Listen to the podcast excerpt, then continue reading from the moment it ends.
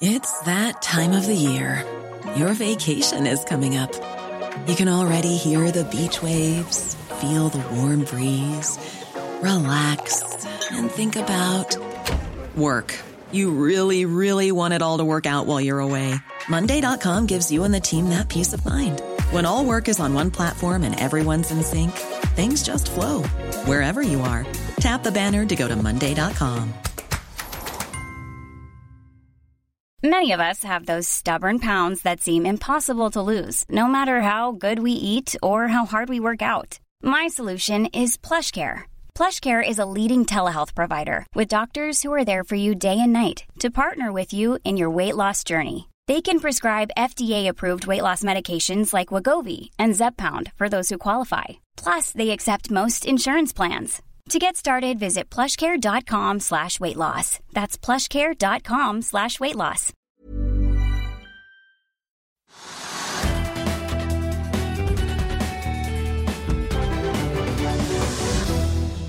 Hei og velkommen til Økonominyhetene, der vi skal snakke om Oslo Børs, oljepris, internasjonale markeder, og vi har også med oss en gjest. Det er Leif Eriksrød fra Alfred Berg.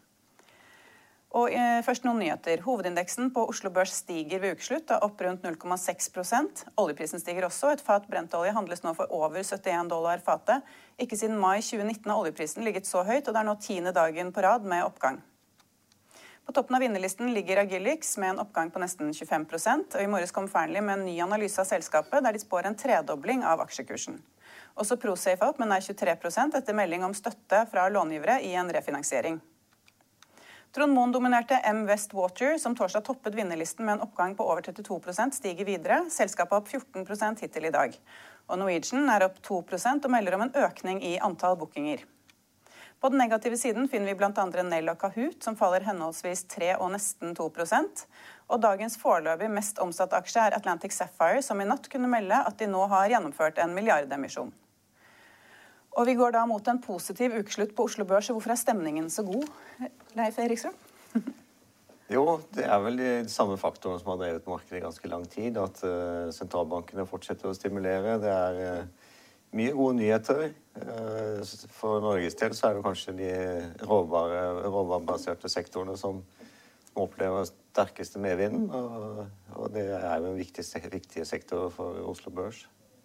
Men det har jo vært god stemning i aksjemarkedet lenge nå. Eh, og det har vært veldig stor interesse for aksjer. Er det i ferd med å snu, eller er vi fortsatt sånn at veldig mange vil inn? Eh, vi ser vel ikke noen tendenser til at det snur. Eh, og de underliggende faktorene er nok de samme som har vært i flere år. At lave renter gjør at det er vanskelig å finne alternativer. man har fått veldig godt betalt for å ta risiko. Det er på en måte en nye årskull med investorer. Nå er jo vi er jo på hva skal vi si, vi er på tolvte året med børsoppgang. Så jeg eh, kan si alle som er under 30 år, eh, har vel egentlig aldri opplevd en langvarig børsnedgang. Så, så, folk har en stor risikovilje, høy tillit til aksjemarkedet. Eh, og det er litt som tyder på at det snur. Så de som er da eh, under 30, de kan fortsatt være med på en oppgang i mange år til? da? Det er jo ikke godt å si lenge den varer. For det er klart at mye mye av det de mest spekulative investorene hiver seg over, det er jo selskap som eh, ikke nødvendigvis har noe velprøvd forretningsmodell. Og, og, det er veldig høy risikovilje. Altså, du har jo en sånn liten flytende overgang over mot kryptovaluta og egentlig masse andre investeringsalternativer som, som ikke i, genererer inntjening, så, som mer er spekulasjonselementer. Så, så, mye av dette vil jo på en måte gå fryktelig galt.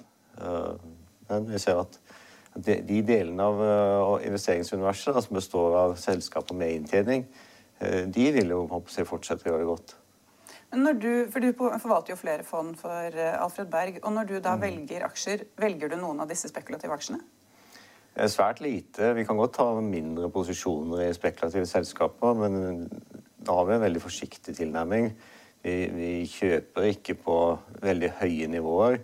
Eh, hvis det er på en måte slags oppstartsselskaper, altså uten en kjent eh, virksomhet, så, er det veldig viktig at markedsverdien er lav i det øyeblikket vi investerer, slik at vi på en måte er med og deler oppsiden.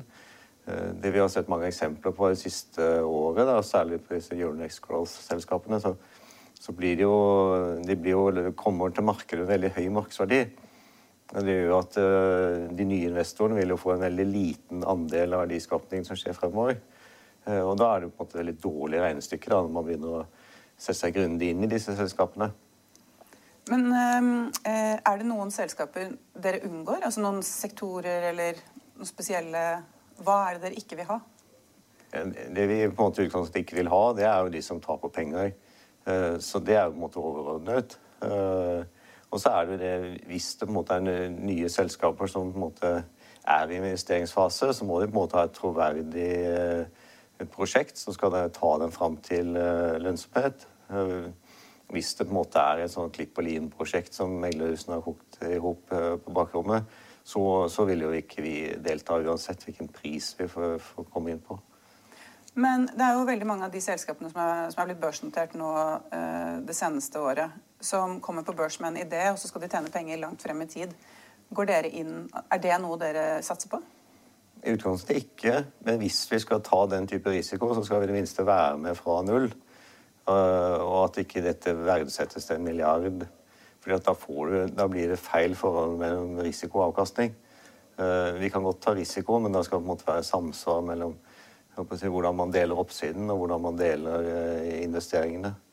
Det er kanskje veldig viktig å få med seg. Men Er det noen spesiell bransje dere ikke vil gå inn i? Som, som du unngår, da? Eh, altså, generelt så er vi tilbakeholdne med disse kapitalintensive sektorene, sånn som shipping. Nå er jo ratene veldig høye nå i noen uh, segmenter. Men, men, det er jo typisk sektorer som vi er litt forsiktige med, for vi har jo på en måte erfart over tid at, at hver gang ratene er gode, så, så, blir det en kontraheringsbølge, og, og, du får da en lang periode i etterkant med dårlige rater. Så vi for vår del har liksom ikke hatt noe suksess med den type investeringer. Så, så det er en type sektor vi kanskje holder oss unna. Uh, Iallfall med, med vesentlige beløp, da. Men hva er det dere liker? Altså, hvis ja. du skulle på en måte gitt noen tips, hva skal folk se etter når de skal kjøpe aksjer? da? Ja, det første er jo inntjening. Altså, man, man kommer ikke utenom det. Uh, og så er det også dette med utbyttekapasitet. Uh, man, man, glemmer jo kanskje det. Og det har man også sett i i den senere tid. Det er veldig mange selskaper som henter inn penger på gang på gang. på gang. Du nevnte innledningen her, du nevnte Atlantic Sapphire. Du har jo noen fantastisk veldrevne oppdrettsselskaper på børsen som, som betaler kjempegode utbytter. Eh, altså hvor kapitalstrømmen går fra selskapet til aksjonær, eh, ikke motsatt, eh, som disse landbaserte driver med. at Der er det jo vanvittig teknologisk risiko, helt uprøvde forretningsmodeller og, og, de må hente inn kapital gang på gang på gang. Og for hver gang de gjør det, så blir på en måte din oppside mindre. Eh, så det er jo også et viktig kriterium da, for, for, å deriske porteføljen din. Så, men, eh, men, eh, det er ikke dermed sagt at laksebransjen generelt er noe dere holder dere unna, eller?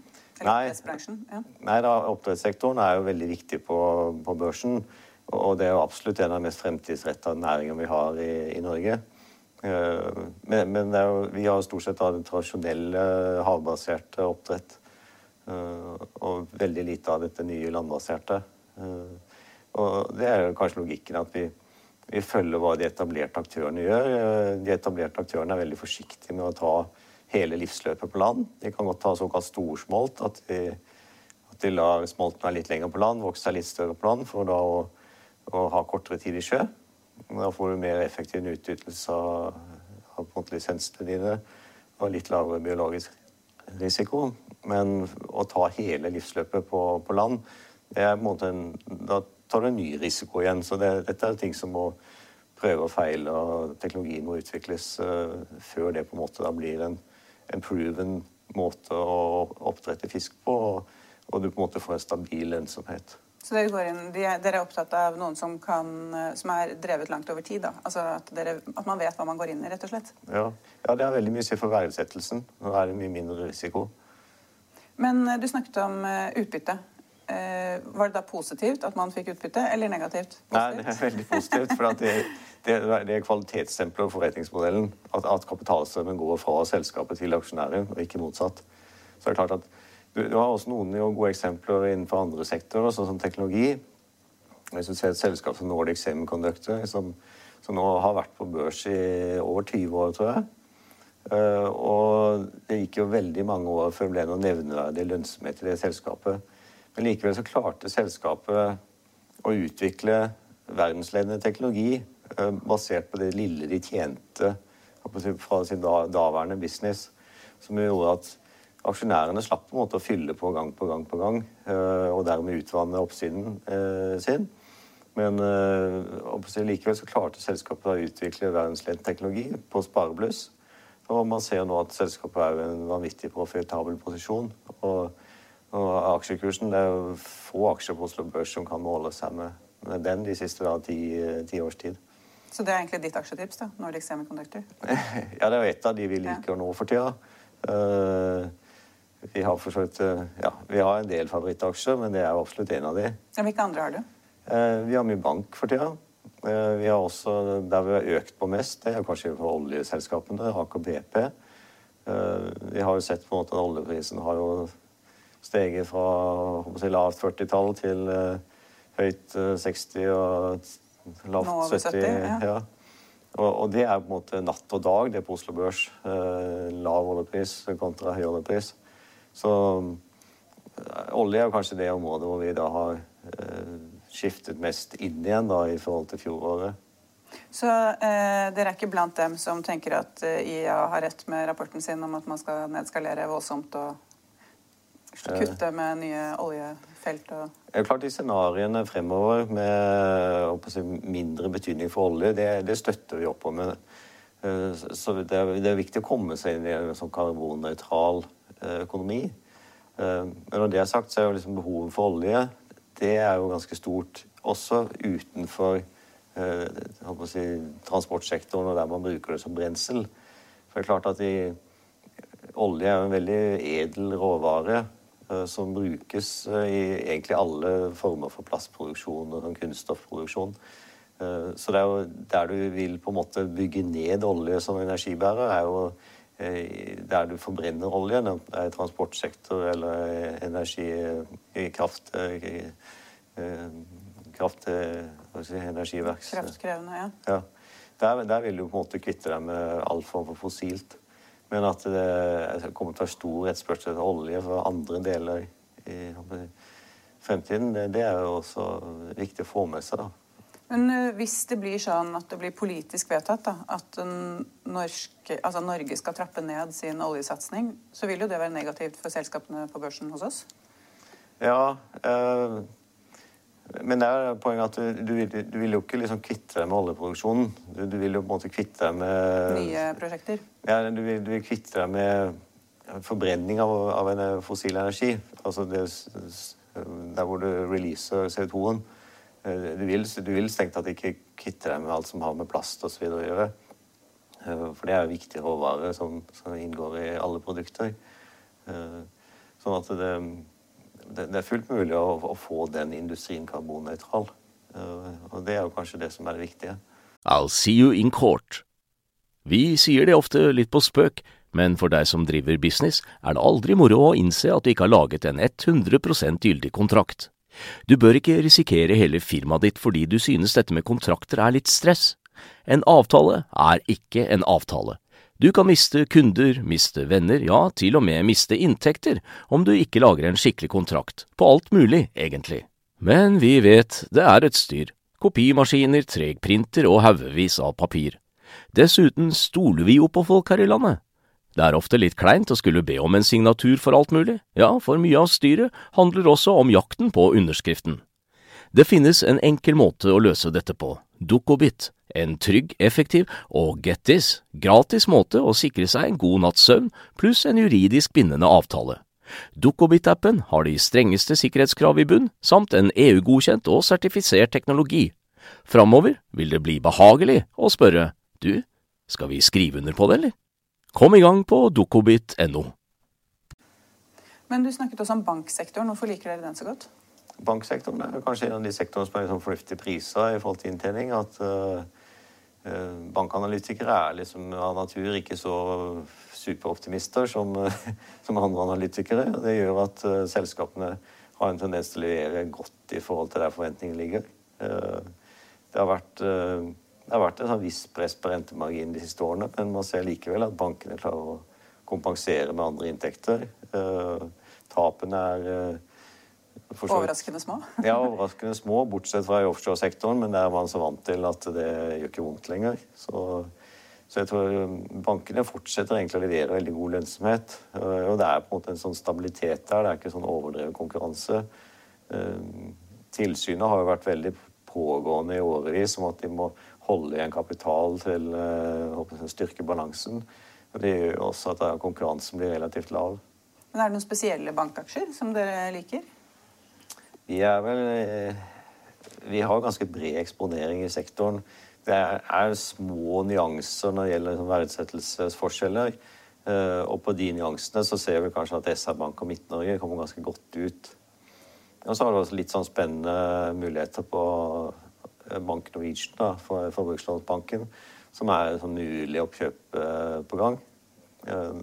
Der foreligger det på en måte et bud som er såpass dårlig at de fleste har vel liksom trukket litt på skuldrene av det budet, men, men i den grad eh, budgiverne er interessert, og det er det jo ofte når det på en måte har lagt mye arbeid i det, så, eh, så er det jo fair sjanse for at de øker det budet, og at det på en måte kan også da bli bra investering på relativt kort sikt. Men hva med DNBs bud på S-banken? Hva vil det ha å si for dem? Et, hvis man sammenligner, så var jo DNBs bud på S-banken mye bedre da enn eh, svenskenes bud på Bank Norwegian. Sånn at eh, Derfor har jo på en måte aksjonærene i Bank Norwegian eh, en ganske god sak da når de egentlig takker nei til budet. For jeg vil jo si at DNBs bud på S-banken var på en måte et fair bud, der hvor man egentlig deler synergiene som oppstår. Men eh, ESG-aksjer eh, har jo Altså, det er jo veldig populært. Hvor stor del av deres, eller de fondene du har, er det? Mm. Ja, det er jo litt sånn hva skal vi si, Det er jo litt sånn flytende overgang av hva er ESG-aksjer eller ikke. Men hvis du ser disse highflyerne da, som, som har vært børsvinnerne da, i, i de siste tre årene Hvis de på en måte når vi ser bakover i tid, så identifiserte vi på en måte at den grønne bølgen den starta i starten av 2018 eh, og varte egentlig da i tre år. Og så så vi kanskje at disse høyest prisede selskapene de, de, punkterte litt i vinter. Så, så, vi har på en måte redusert eksponeringen i disse ganske kraftig. Eh, og det er jo mer en funksjon av at verdsettelsen ble for høy. De er ikke kommet veldig langt i, måte, i forretningsutviklingen sin. sånn at uh, selv om vi på en måte liker mange av selskapene veldig godt, så, så ble verdsettelsen for høy. og Det ble vanskelig å forsvare og eie de egentlig. og da, da, er det naturlig å selge seg litt ned. og så får vi jo håpe at vi eventuelt kommer inn i en aksjesiden uh, der etter hvert. For, for, det er mange av disse teknologiene som er veldig spennende og veldig viktige da, inn i fremtiden. Men det er litt av lærdommen også fra dotcom-perioden. At det er ikke de samme selskapene som egentlig kommer opp igjen fra asken etter å ha smelt. Eh, så, så, det er på en måte veldig viktig å liksom ikke bli med hele veien ned på de som er, si, kommer opp på første bølge. For det er ikke nødvendigvis de som da blir med opp igjen på neste bølge. Men eh, sånn som eh, flysektoren, hva gjør dere der? Har dere holdt dere unna? Ja, flysektoren er en Altså, det er på en måte bare en stor bøtte med risiko. Altså, det, altså alt som kan gå gærent, har en tendens til å gå gærent i den sektoren med jevne mellomrom. Uh, så det er en utrolig vanskelig sektor å være spesielt langsiktig i. Vi, vi er jo blant dem som virkelig heier på Norwegian, og som syns det er et av verdens flotteste selskaper. Vi har vært aksjonærer der flere ganger, uh, men det har en tendens til å bli ganske kortvarig hver gang. Fordi det er så mye risiko. Uh, og vi er veldig spente nå om vi på en måte får et nytt styre som, som har en litt mer edruelig holdning til vekst og en litt mer edruelig holdning til gjeld. Eh, sånn at man kan få en sånn bærekraftig virksomhet ut av det. For Norwegian er jo elsket av norske kunder og skandinaviske kunder. Det er jo, det er jo et fantastisk flyselskap. Eller semielsket, da. ja, det kan, det kan, du godt si. Men, eh, men, det er utrolig hvor kort historikk, nei, kort hukommelse folk har når det kommer til pris. Og det er bare å se hver gang du på Dagsrevyen når de er oppe på Gardermoen og intervjuer et eller annet musikkorps eh, som ligger på tredje døgnet og venter på flyet sitt, så sier de at de skal aldri med fly Norwegian. Men, neste gang de skal på tur, så, så er det Norwegian som er billigst, og, og, da tar man de likevel. Ja, Eller kanskje Wizz Air, men ja. ja, de har vel lagt ned før de i hele tatt kom i gang. Ja. Men øh, vi snakket litt om øh, ESG-aksjene. Men det er vel ikke bare altså Det er prisingen, selvfølgelig. Men det er vel også andre ting som virker inn Jeg tenker mer på, på de internasjonale markedene som også virker inn her hjemme. da. Med lange renter og ja. Øh, Altså prisen på lange renter. Ja. Ja, det er klart, det, gjør jo at du er villig til å betale dyrere for noe som har inntjening langt frem i tid. Men, men, du må også putte en slags sannsynlighet på hvor sannsynlig det er at de faktisk kommer til å få denne inntjeningen. Eh, for det kan plutselig komme en annen aktør inn fra venstre som har en litt bedre teknologi, har en litt annen måte å løse problemet på, eller som kanskje har en kundebase fra før av, som da ganske enkelt kan på en måte vippe den første av pinnen. Så at eh, det er andre risikoer eh, enn bare tidsaksen også. Så men eh, hvis vi ser på de internasjonale markedene generelt eh, Her hjemme så drives det jo eh, veldig mye av oljeprisen. Og det gjør det jo kanskje ikke like mye f.eks. i USA, da, har, der aksjemarkedene har steget og steget og steget. og steget. Mm. Men hva er det som virker inn der? I USA dels så har du på en måte stimulansepakkene der òg. Eh, sentralbanken har jo på en måte stimulert kontinuerlig egentlig siden finanskrisen. Så det, det er si, by default det nå. Men så har du jo disse stimulansepakkene fra myndighetene, eh, som er også sånn historiske eh, proporsjoner som man aldri har sett før, som, som skaper på en måte aktivitet og lønnsomhet i bedriftene. Altså det at USA har alltid vært litt sånn særstilling fordi at amerikanske selskaper er så raske med å kutte kostnader. Eh, det er mye enklere for amerikanske selskaper å si opp ansatte osv. Så sånn man har en raskere tilpasning på kostnadssiden i USA enn det man har i Europa. Som gjør at amerikanske selskaper er veldig, veldig profitable. Eh, høy lønnsomhet, sånn i sum. Eh, så derfor er amerikanske markedet alltid litt spesielt. Og, det, recovery kommer alltid veldig raskt i USA. Så i Europa kan det være mer blandet bilde. At, at når det er litt sånn tøft, så, så, tar det tid før stimulansen egentlig slår igjennom i selskapenes regnskaper. Eh, men der har da for Norges del er vi litt eh, annerledes igjen, da, i og med at vi er så avhengig av oljepris. Og, og, den på en måte har gått så bra i år. Men stemningen smitter vel over? Sånn, hvis ja, det er god stemning der, så er det god stemning her ofte? Ja, da, altså, det er jo den enorme likviditeten som er markedet. Og det er jo også derfor det har vært en vanvittig mengde med IPOs. og at det, det er jo sånn umettelig etterspørsel etter selv de dårligste prosjektene. Men hva tror du fremover? Hva er det som vil påvirke markedet fremover? Det er nok de samme faktorene fremover òg, iallfall inntil man håper å Om det blir noe renteheving av betydning, eh, så vil jo det smelle veldig hardt. Eh, men snakker man med renteekspertene, så, så det er ingen av de som egentlig har noe tro på at det blir eh, renteoppgang foran kommer.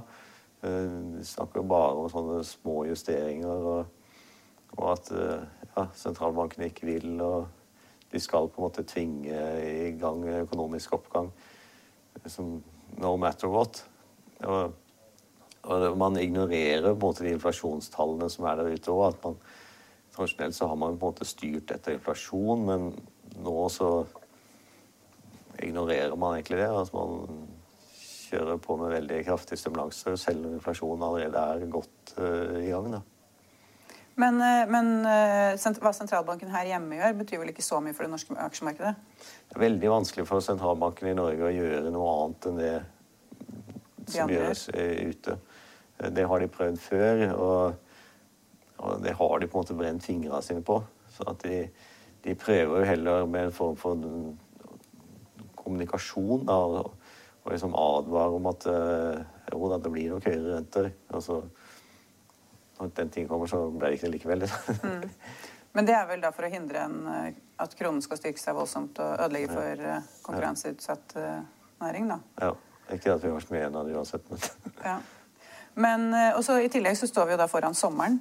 Da roer det seg vel?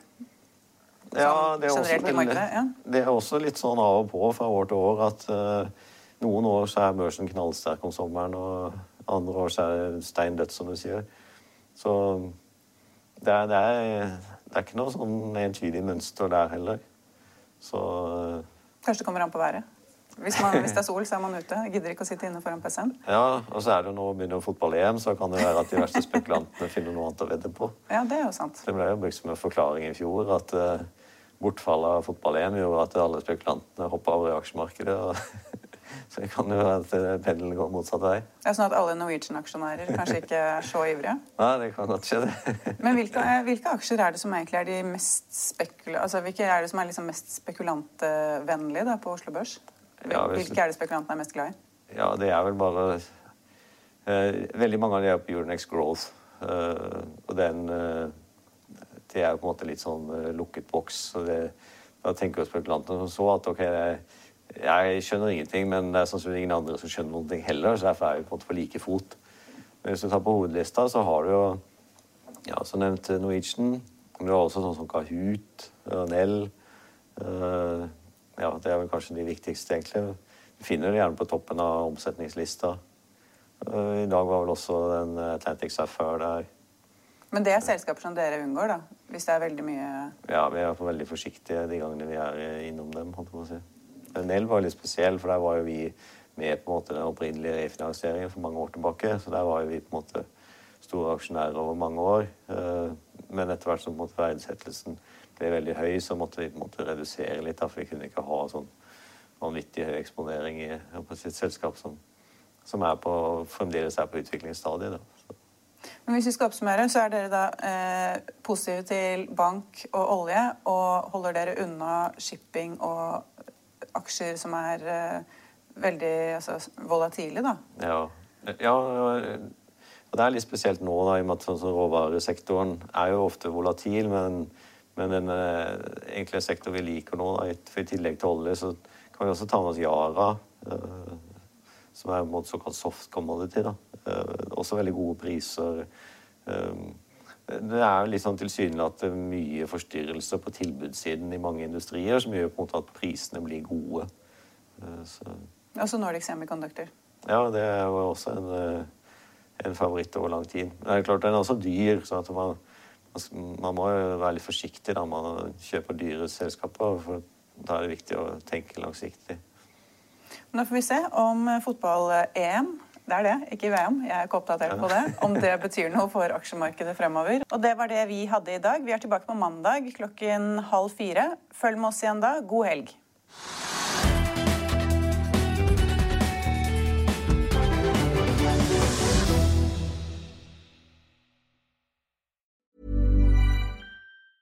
Hey, it's Danny Pellegrino from Everything Iconic. Ready to upgrade your style game without blowing your budget? Check out Quince. They've got all the good stuff shirts and polos, activewear, and fine leather goods, all at 50 to 80% less than other high end brands. And the best part? They're all about safe, ethical, and responsible manufacturing. Get that luxury vibe without the luxury price tag. Hit up quince.com slash upgrade for free shipping and 365 day returns on your next order. That's quince.com slash upgrade. When you make decisions for your company, you look for the no brainers. If you have a lot of mailing to do, stamps.com is the ultimate no brainer. Use the stamps.com mobile app to mail everything you need to keep your business running with up to 89% off USPS and UPS. Make the same no brainer decision as over 1 million other businesses with stamps.com. Use code PROGRAM for a special offer. That's stamps.com code PROGRAM. Økonominyhetene er en podkast fra Finansavisen. Programledere er Marius Lorentzen, Stein Ove Haugen og Benedikte Storm Bamvik. Produsenter er Lars Brenden Skram og Bashar Johar. Og ansvarlig redaktør er Trygve Hegnar.